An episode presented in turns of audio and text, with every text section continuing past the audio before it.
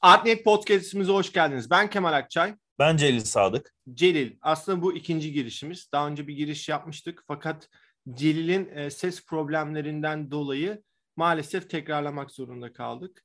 E, çok da güzel benim bir değil mi problem? Bu Hep ne... üstüme geliyor. Her şey benle ilgili değil mi? Evet, her şey seninle ilgili. Normalde hani bazı insanlar vardır hep kendisinden konuşulmasını ister. Böyle evet. dünyayı onun etrafında döndüğünü zanneder. Ben öyle bir insan değilim. Ben başkalarıyla uğraşmayı seviyorum. Sen peki öyle bir insan mısın? Narsist bir insan mısın? Ben narsist bir insan değilim ya. Bilmiyorum narsist insanlar mesela şey narsizm nedir bu arada? Hadi ben sana sorayım. Narsissus'tan geldiğini biliyorum. Evet. Ee, Şimdi aslında böyle... şöyle bak şeydeki e, tanımını okuyorum. Narsizm toplumdaki bazı bireylerin yükseltilmiş özgüveniyle kendilerini sürekli diğer insanlardan üstün görmesiyle ortaya çıkan bir kişilik bozukluğudur.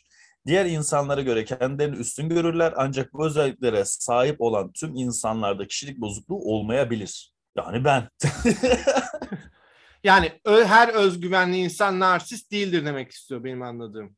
Evet. Ama bazısı var ki işte mesela narsizm nasıl bir şey biliyor musun? Mesela sinemada ya da işte dizilerde de böyle narsist karakterler düşünsen bu sırada bence. Hı hı. Çünkü benim aklımda çok e, şey yine hani Sopranos örneği olacak ama öyle bir karakter var. Onun dışında narsizm aslında Narsisius'tan, mitolojiden geliyor ismi. E, Narsisius e, çok çok yakışıklı bir genç. O kadar yakışıklı ki işte onu gören herkes ona aşık oluyor. Ve bir peri kızı var, Eko. Eko'yu bir gün ormanda bir pan kovalıyor. Bu panlar da libidosu yüksek mitolojik yaratıklar. Hı hı. Ve ormanda kaçıyor Eko ve en sonunda e, bir su kenarında Narsisius'u görüyor ve aşık oluyor. Ancak Narsisius onun aşkına cevap vermiyor. Ve e, bu genç kız da bir mağarada yaşamaya başlıyor ve aşkından dolayı yemeden içmeden kesiliyor. Ve mağarada her geçen gün yitip gidiyor. Artık kayboluyor. E, zamanla işte etleri kayboluyor, kemikleri kayboluyor ve en sonunda sadece sesi kalıyor. O mağaradaki yankı yani Eko ismi de aslında buradan geliyor. Ve tanrılar, Olimpos tanrıları da bu Narsisus'a bu umursamazlığından dolayı çok sinirleniyorlar ve onu kendi güzelliğiyle ce- e, cezalandırmaya karar veriyorlar. Narsisus bir gün e, böyle bir su kenarında ava gidiyor e, su kenarında susuyor ve suya doğru yaklaştığında kendi yansımasından yüzünü görüyor. Hı hı. Ve o kadar aşık oluyor ki o da yemeden içmeden kesiliyor ve sürekli olarak kendi görüntüsünü izliyor. Artık aşktan bir hitap düşüyor. Zamanla orada ölüyor ve ardından bedeni artık toprağa karışıyor ve o noktada bir çiçek ortaya çıkıyor. O çiçeğe de nergis çiçeği diyoruz. Ee, böyle bir hikayesi var. Ne kadar romantize edilse de narsistler hayatımızın çeşitli evrelerinde varlar ve canımızı çok sıkıyorlar. Ee, sanat yani, tarihinde peki bu hani bu Narsissus'un hikayesi dışında çok kullanılır mı? Narsist e, tablolar, hikayeler. Bol bol tablosu var. Ee, ya yani Caravaggio'nun yaptığı bir Narcissus var. Çok hani severim böyle e, Narcissus'un suda kendini görüp de hayranlıkla böyle dalıp gittiği bir sahneyi Hatta elini suya daldırmıştır. Sanki böyle o görüntüyü bozmak istermiş gibi, suyu dalgalandırmak istermiş gibi. Ee, John William Waterhouse'un bir tane e, eseri var yine bu konuyla ilgili. Hatta pek çok dönemden pek çok sanatçı bu Narsissus'u ele almış. Ama mesela e, buradan bir sanatçıya çok geçmişten bakarak e, mektuplarından ya da nasıl diyeyim etrafındaki insanların yazdıklarından narsist demek e, çok doğru olmasa da hani narsist olabilecek e, sanatçılar var. Hani narsist gibi bir tavır takınan mesela Picasso ya da mesela Salvador Dali. Yani bunlar çok aslında mütevazı olmadığı bilinen sanatçılar ya. Mesela Salvador Dali çocukluğuyla ilgili şunu anlatır. Hani ailesi çok zengindir. Ee, bu yüzden de babası onun çok şımarmasını istemediği için devlet okuluna gönderiyor. Devlet okuluna gidince şimdi özenli bir çocuk ya bu bu saçlarını falan tabii kokulu şeylerle tarıyor böyle. E, der ki tüm paçavralar e, içindeki o çocuklar, o fakir çocuklar sıraya girip sırayla saçımı kokluyorlar falan der. e, böyle bunu anlatmaktan övünür mesela gariptir. Ya da gençlik döneminde e, Figueres'te bir balıkçı kulübesine yerleşir. Raffaello'nun otoportresindeki pozu taklit eder. İşte bir sanatçı imajı verir kendisine bir flör takar, böyle bir işte kasket takar, ne bileyim hani böyle e, mesela diyor ki yüzümü diyor pudralıyordum, allık sürüyordum ve diyor dudaklarımı kırmızı gözüksün diye ısırıyordum der. E, gençlik dönemlerinde böyle Federico Garcia Lorca ile olan bir ilişkisi var. O da bir şair ve adama aşık bayağı ama bu aşkını sanki Federico Garcia Lorca sadece ona aşıkmış ve sadece bu aşk bir platonik aşkmış gibi yansıtsa da bazı resimlerin arkasında Federico Garcia Lorca'ya böyle çok duygusal mesajlar, e, notlar yazmış. Yani bir şekilde o e, ya mesela adam gidiyor modern sanatta biraz şey vardır ya anarşist olma durumu vardır. Amerika'ya gidiyor Salvador Dali. Amerika'dayken e, memleketini İspanya'ya özellikle de e, Katakes sahillerini çok özlüyor. Oradaki sahiller ona hep ilham veren sahillerdi. Mesela Dali'nin resimlerine baktığınızda ilginç kayaçların aslında figürlere dönüştüğünü ve her zaman arka planda bir deniz manzarası olduğunu görürsünüz. O Cruz burnu aslında ilginç kayaçların olduğu bir bölge. O, o bölge için de şey demiş, e, Leo, her kaya, her kayaç Leonardo da Vinci tarafından çizilmiş gibiydi falan der. Çok hayrandır oraya. E, savaş başlayınca tabii İkinci Dünya Savaşı başlayınca çıkar şeye gider, Amerika'ya gider ve Amerika'da İspanya'yı ve ona ilham veren o sahili çok özler. Bu yüzden de o anarşist duruştan, o Andre Breton'un e, manifestosundan uzaklaşarak faşist e, Franco rejimini desteklediğini söyler ve Papa'nın e, bağlılığını ister, Papa'ya bağlılığını ilan eder ve Katolik olduğunu ilan edip sürrealizmden çok uzak dini resimler yapmaya başlar. Ve bütün e, tabii sürrealist sanatçılar da ona derler ki Avida Dolars, dolar meraklısı. O da der ki sürrealizm benim, siz kim oluyorsunuz falan gibi muhteşem bir egosu vardır. Bunu da sürekli söyler. E, zaten anlatılırken de Dali için megaloman bir tip denir ama biraz da ben narsizminin olduğunu düşünüyorum açıkçası Dali'nin. Böyle sinemada aklına gelen e, inanılmaz böyle narsist diyebileceğin ben ben ben diye çok böyle ne bileyim belki full kreatif kontrol isteyen yönetmenler falan var mı? Ya da Önce istersen karakterler yani çünkü onu düşündüm ben. Hani mu- olur karakterlerden film... gelelim. Bir yandan da yönetmen falan da düşünelim şu sence narsist midir falan. Yönetmenlere he- yaklaşık olarak hepsi diyebilirim. Ona geleceğim. E, o yüzden o çok daha kolay olacak. Ama hani e, film karakterlerine baktığımızda aslında o kadar da çok işlenen bir tema değil. Mesela film düşündüğümde Şeytan Marka Giyer filmi ve oradaki Meryl Streep'in oynadığı karakteri mesela narsist bir karakter olarak e, tanımlayabilirim. Filmin meselesinde de biraz e, narsistlik var. Yani narsistlik meselesini de işliyor. E, ama onun dışında e, sinemada e, birçok narsist karakter var ve bunlara baktığımda mesela Wall Street filmindeki Michael Douglas'ın oynadığı Gordon Gekko. Biraz da mesela orada paranın e, daha ön planda olduğunu görüyoruz. Mesela Batman serisinde Riddler, bulmacacı. Oradaki e, narsistlik biraz zekadan kaynaklı oluyor.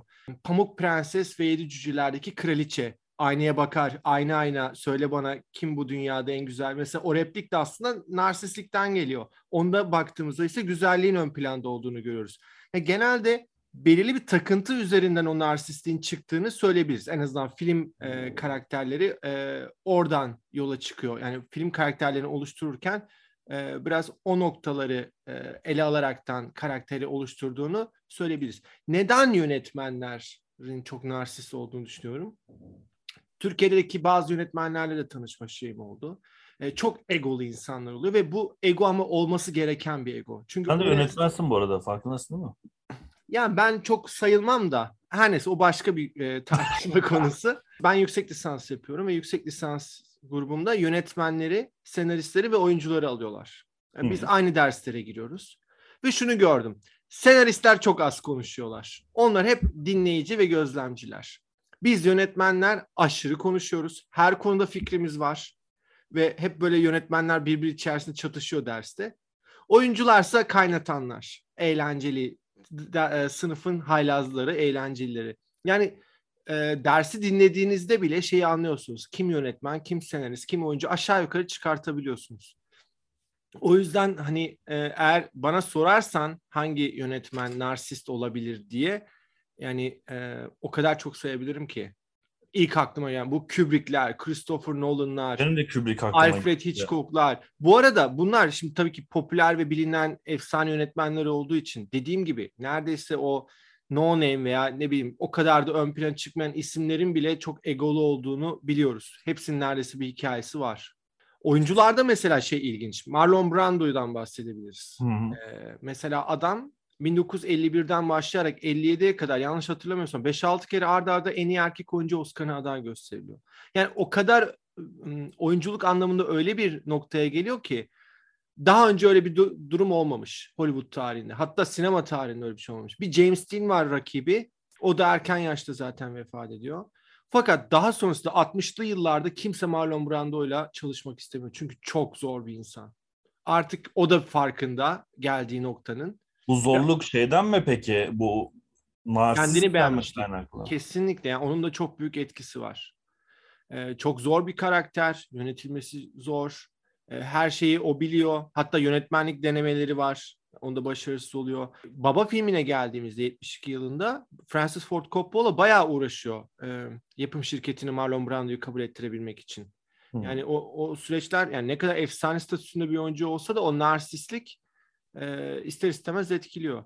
Dediğim gibi yani bu arada bence sanat tarihinde de birçok yani ressamlarda hani Picasso ve Salvador Dali örneği verdin ama Çok var daha ama dediğim gibi mesela bunu dışarıdan bakarak e, birisi çok başarılı ve egoludur. E, özgüveni çok yüksek insandır. Bunu anlayabilirim. Mesela bunu atıyorum. Kubrick ne açıdan narsist olabilir?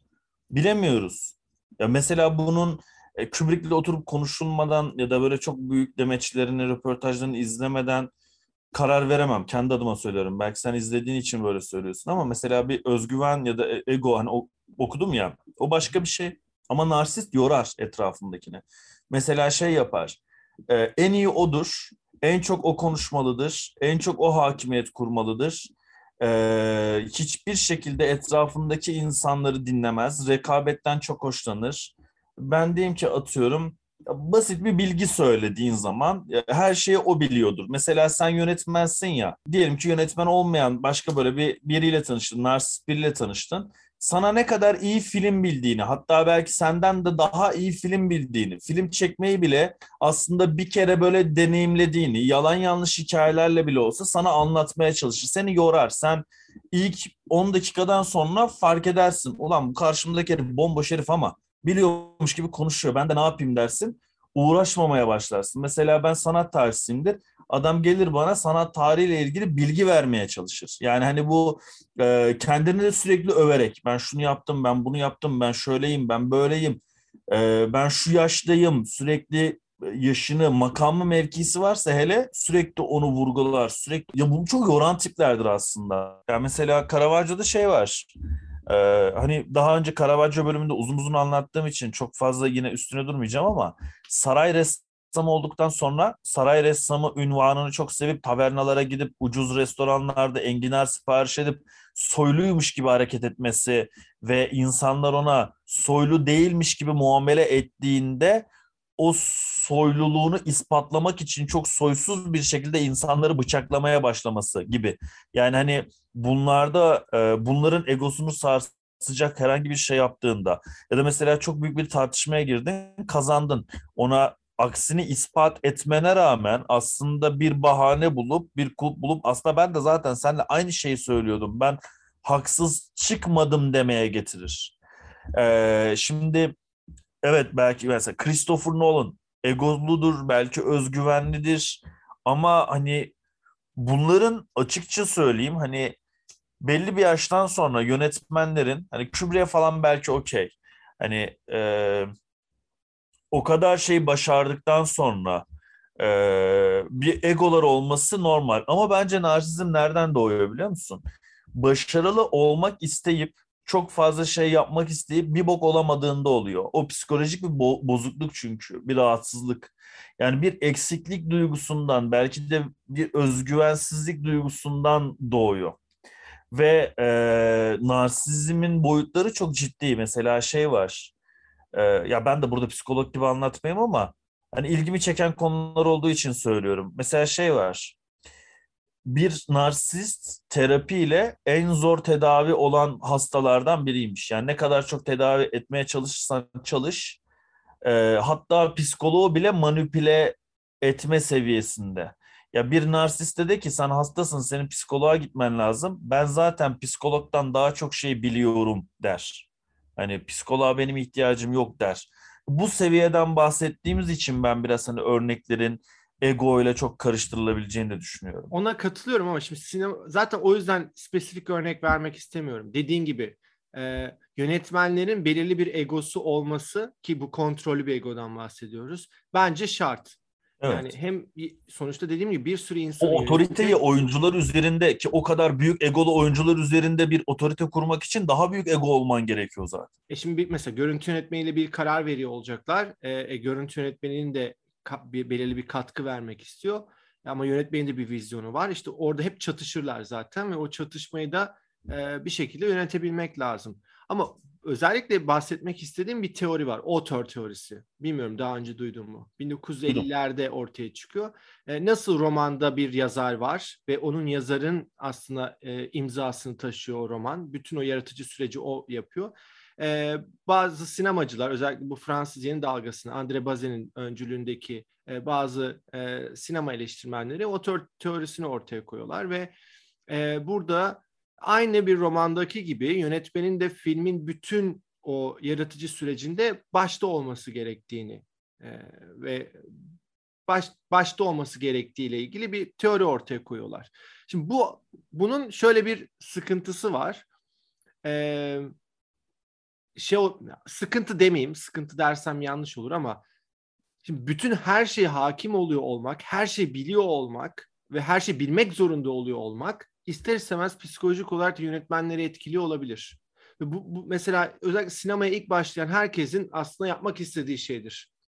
Mümkün olduğunca bütün o sürece hakim olabilmek. Ama e, tabii ki özellikle sektör için film çekiyorsunuz böyle bir şey bu fırsatı tabii ki size kimse vermez. Sonuçta para ortaya koyan insanlar var ve bir sürü yetkin insanlar var. Hani onların da dahil olmasını isteyecekleri için her ne kadar yönetmen başta olsa da e, diğer insanların da söz sahibi olmasını ister. Biraz daha takım usulü çalışılmasını ister. Ki özellikle e, böyle bir otör yönetmen diyebileceğimiz yönetmenler Amerika'ya gittiğinde çok zorlanır. Çünkü orada sendikalar vardır. Her birimin sahne arkasındaki her birimin bir sendikası vardır ve bir görev tanımı vardır. O görev tanımına göre iş yapmanız gerekir. Hı hı ve yönetmenlerin karışabileceği nokta da kız sınırlıdır. Hatta alınan maaşları bile o sendikalar e, belirler.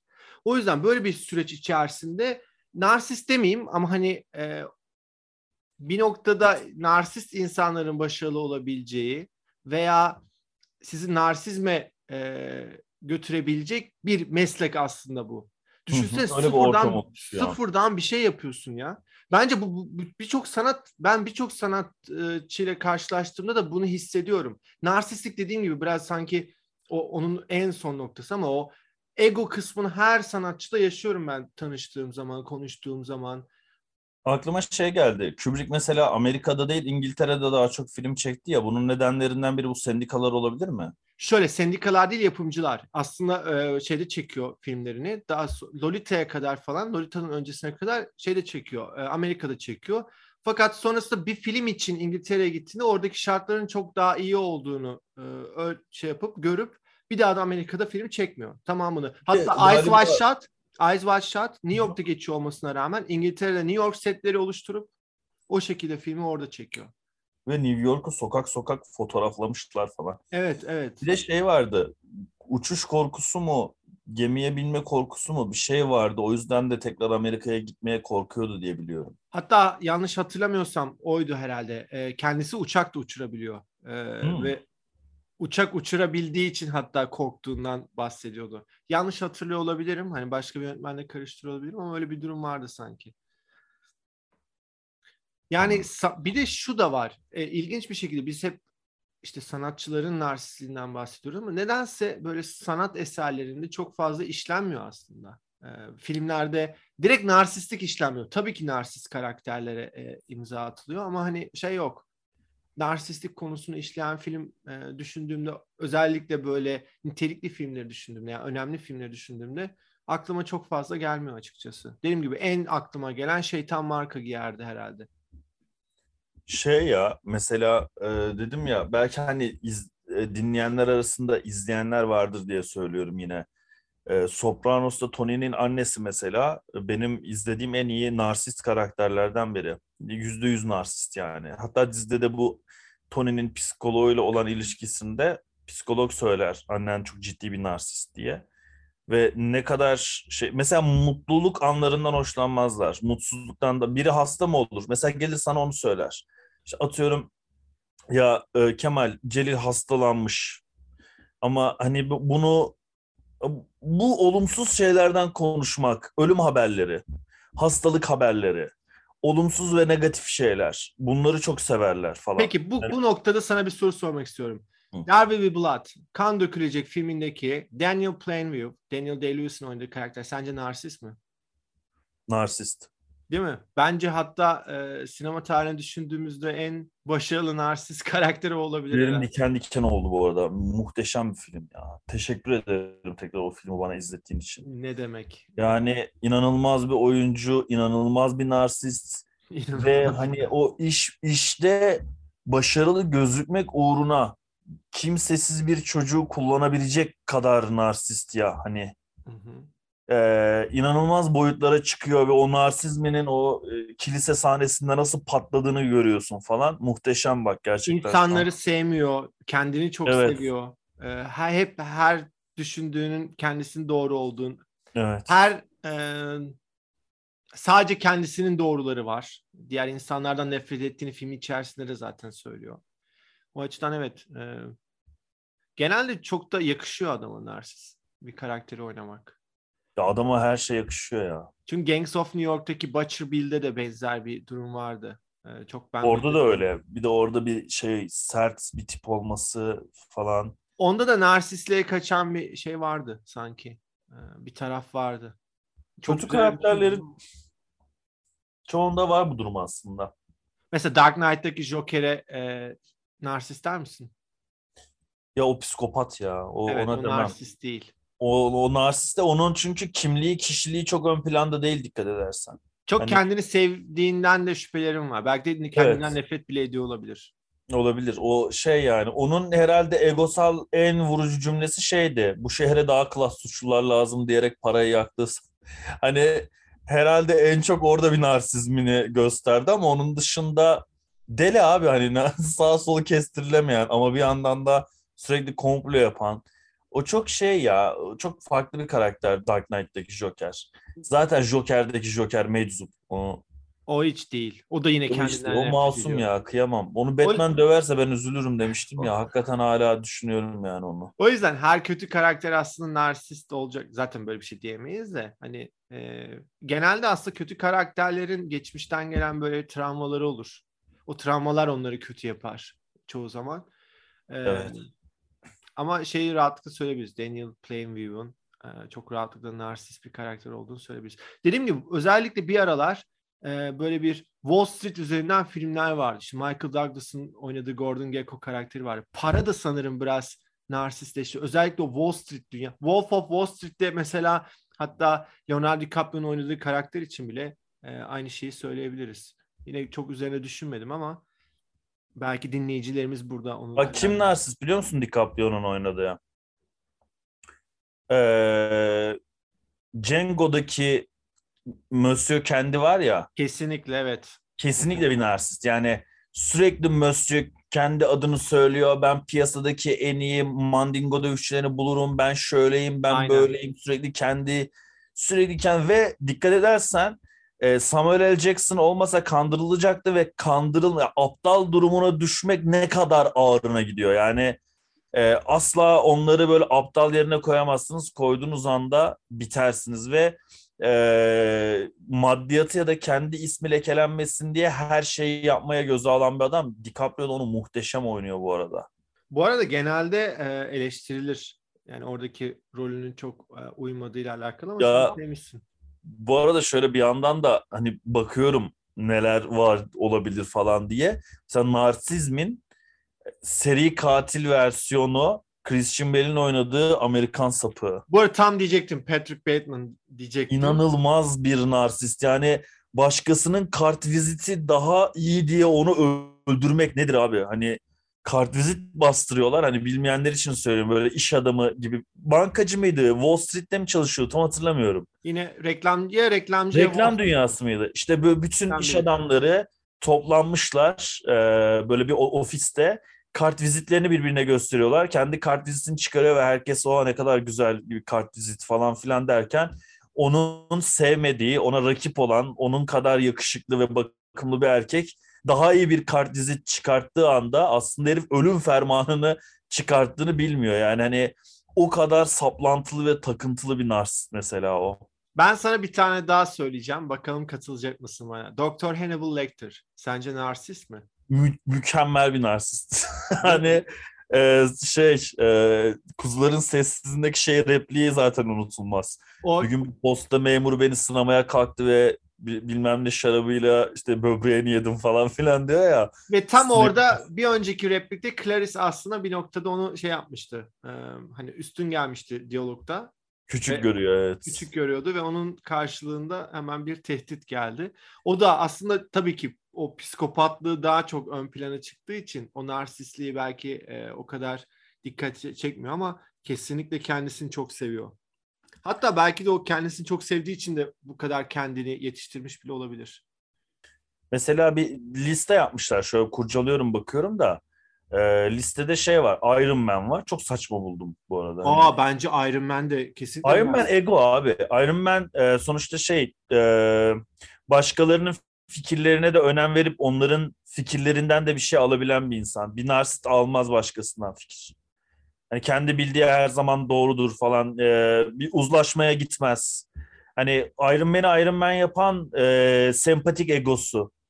Yani onun çok Zlatan İbrahimovic vari Zlatan İbrahimovic bence gelmiş hiç en büyük e, narsist olabilir. Evet ya gerçekten öyle. Sevgiline doğum gününde ne aldın? Onun zaten Zlatan'ı var diyerek konuyu kapatması e, onun ne kadar büyük bir narsist olduğunu gösteriyor. Bak mesela şeyi yapmışlar. E, Kaptan Jack Sparrow. E, ona da, ona da hiç katılmıyorum. Onu da narsist Katılmadım ama onun da sürekli adını söylemesi. Ben Kaptan Jack Sparrow falan filan.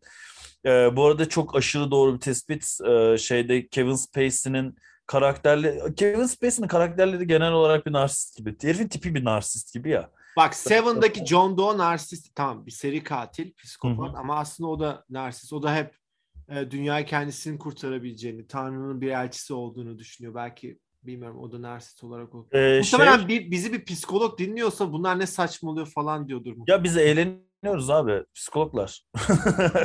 şey var e, yine bence tam bir narsist. Dizisi neydi? E, Kevin Spacey'nin kafayı yiyeceğim. Bu House, Hacı... şey House of Cards. House of Cards.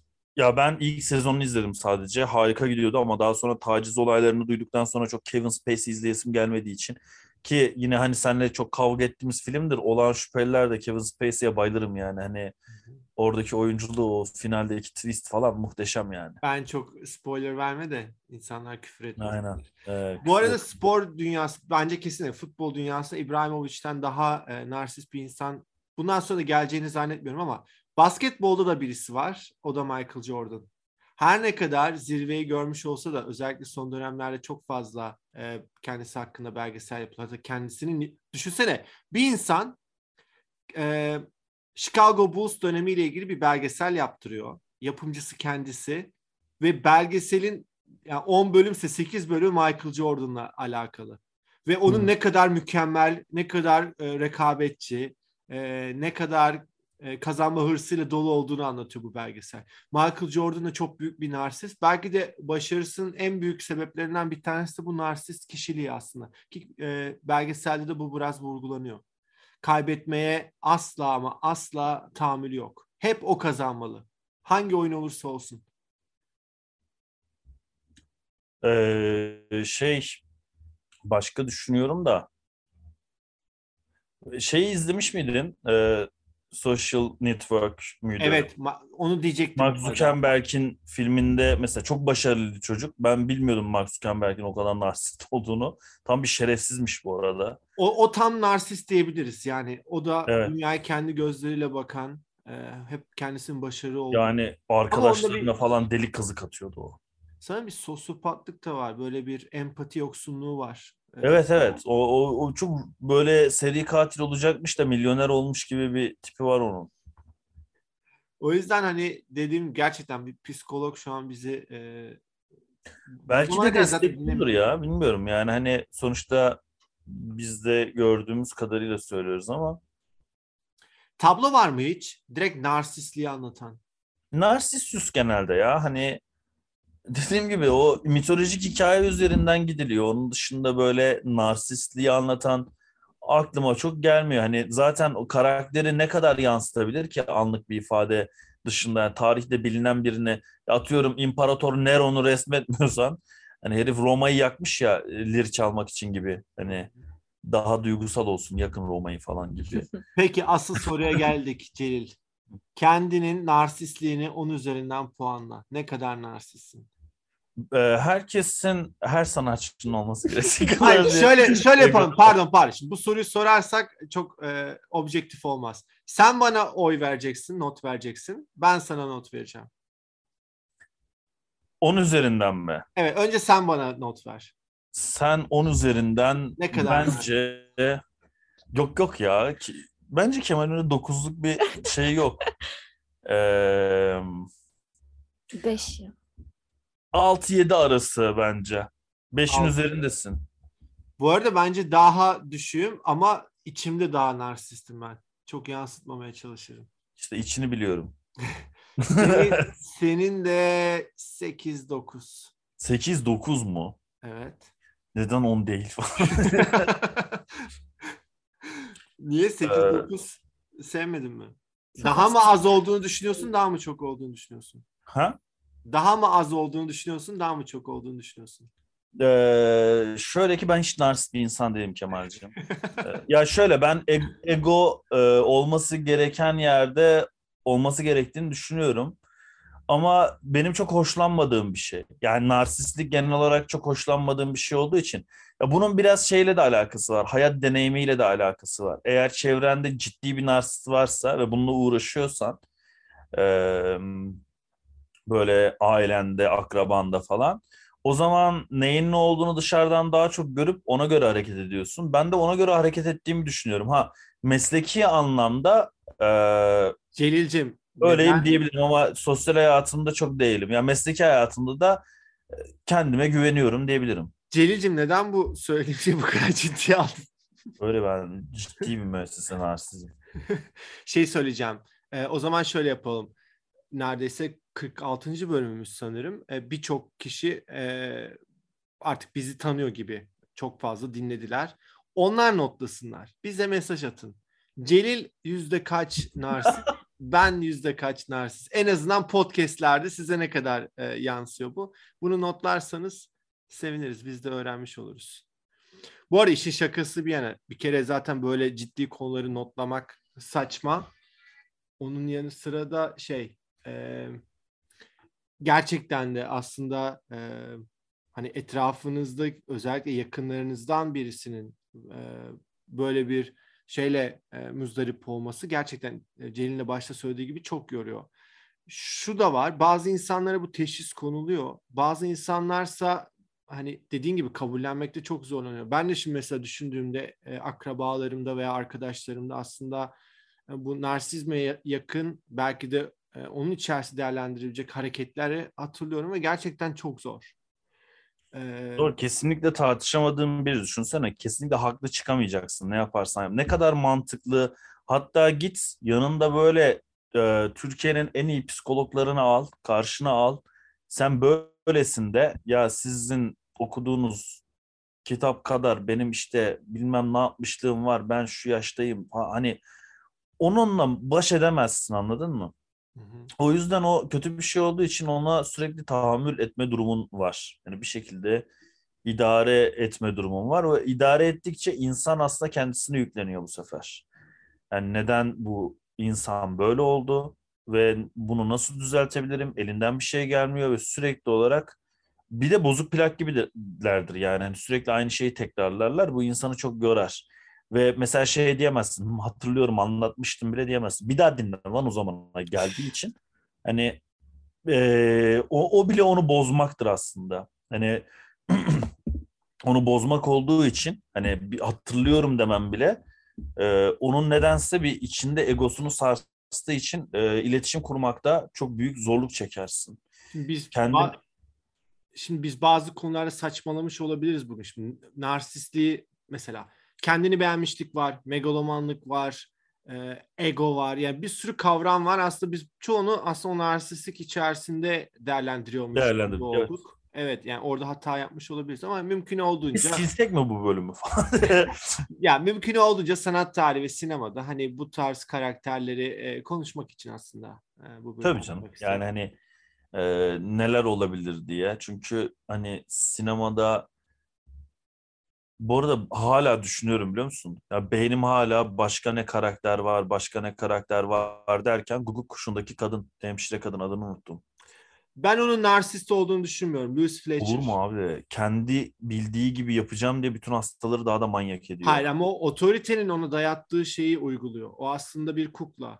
Ee, yani ona bir şekilde o dayatılmış ve o da o sistemin yürütücüsü. Ben o yüzden onun kendi kararı üzerinden e, on, o kendi, olabilir. Doğru. Kendi kişisel e, karakteri üzerine o kararları aldığını düşünmüyorum. O yüzden o narsist olmayabilir. Olabilir. Hatta ille de şeyse McMurphy bence Louis Fletcher'dan daha şey kendini beğenmiş. O ya, aslında kimseyi sallamıyor. Gerçi o da öyle. Ama en azından o o o, o mesele karışık ya dediğin gibi. Evet, hani, evet o meselede narsistlik e, çok konuşulabilecek. Böyle çok gülerek değil. dinleyen vardır yani şu an. Ne saçmaladınız lan bu bölüm diye. Olsun ya hani konuşuyoruz sonuçta. Siz hiç mi sosyal hayatınızda kendi kafanızı böyle oturup da Starbucks'ta 30 liraya kahve içerken konuşmuyorsunuz. Biz de burada konuşuyoruz işte. Vallahi 30 lira oldu e, Delil ya. Ne olacak ne bitecek bu ay? Valla 2 yıl falan oldu herhalde. Hatta daha fazla bile olmuş olabilir.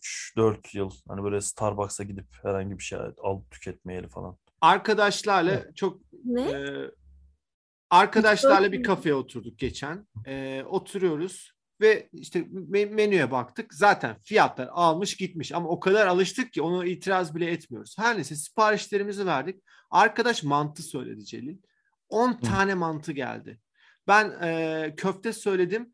Yani normalde eskiden yani bir iki sene önce falan onun iki katı gelirdi. Porsiyonları da küçültmüşler. Yani garsona geldik dedik ki tamam arkadaşım biz hani bu zamlara alıştık. Onunla ilgili bir itirazımız yok ama en azından porsiyonları küçültmeyin garson bir başladı. Yani abi kusura bakmayın bu ay dördüncü zam geldi işte bizde artık... Et şöyle pahalı bilmem süt böyle pahalı. Hayır adam zaten hani garson sonuçta işletmeci değil ama o da hoşnut değil. Yani devamlı o fiyatların yenilenmesi vesaire. Muhtemelen tek şikayet eden insanlar da biz değiliz. Yani bir sürü insanlar o şikayetleri duyuyor. Ya bak aslında şöyle bir şey de var. Narsizm öyle sıkıntılı bir hastalık ki bir ülkenin başına bile değil mi? Narsist mesela Hitler gelsin. Hitler bir narsist mesela. Niye gülüyorsun canım? Bir şey konuşuyoruz şurada. Bir şey demedik kimseye. Yani mesela Hitler'den örnek veriyorum. Ne kadar narsistmiş değil mi? Ne kadar kendi düşüncelerini, kendi hayat görüşünü insanlara dayatıp hiçbir şekilde eleştiri kaldırmıyor, hiç kimseyi görmüyor. İkinci hiçbir dünya... şekilde eleştiriler bir kulağından giriyor, bir kulağından çıkıyor falan. İkinci Dünya Savaşı'nda Sovyetlere savaş aç, açtığı zaman hatta ilk başta generaller burada Alman generalleri gerçekten çok e, şeydir, ünlü ve çok başarılıdırlar. Hatta Heh. yani o bölge subay, Baviera bölgesi subay bölgesidir. E, yani tarihte de çok önemli. Ve çok acımasızlardır o konuda çok emin değilim. Hani bir şey söyleyemem. Hikaye anlatırım birazdan. Tamam. E, her neyse girdiği zaman aslında e, Hitler o savaşın sonları olduğu için o kadar narsist, o kadar kendi bildiğinin doğru olduğunu bir de dayatılmış. Hani herkes pohpohlayınca o da kendisini artık her noktada e, doğru bildiğini zannetmiş. Generaller onu uyarmasına rağmen onları dinlemeyip evet. aslında Sovyet e, Doğu bloğunda e, Doğu cephesinde kaybetmesinin en büyük sebeplerinden bir tanesi aslında bu narsistliği.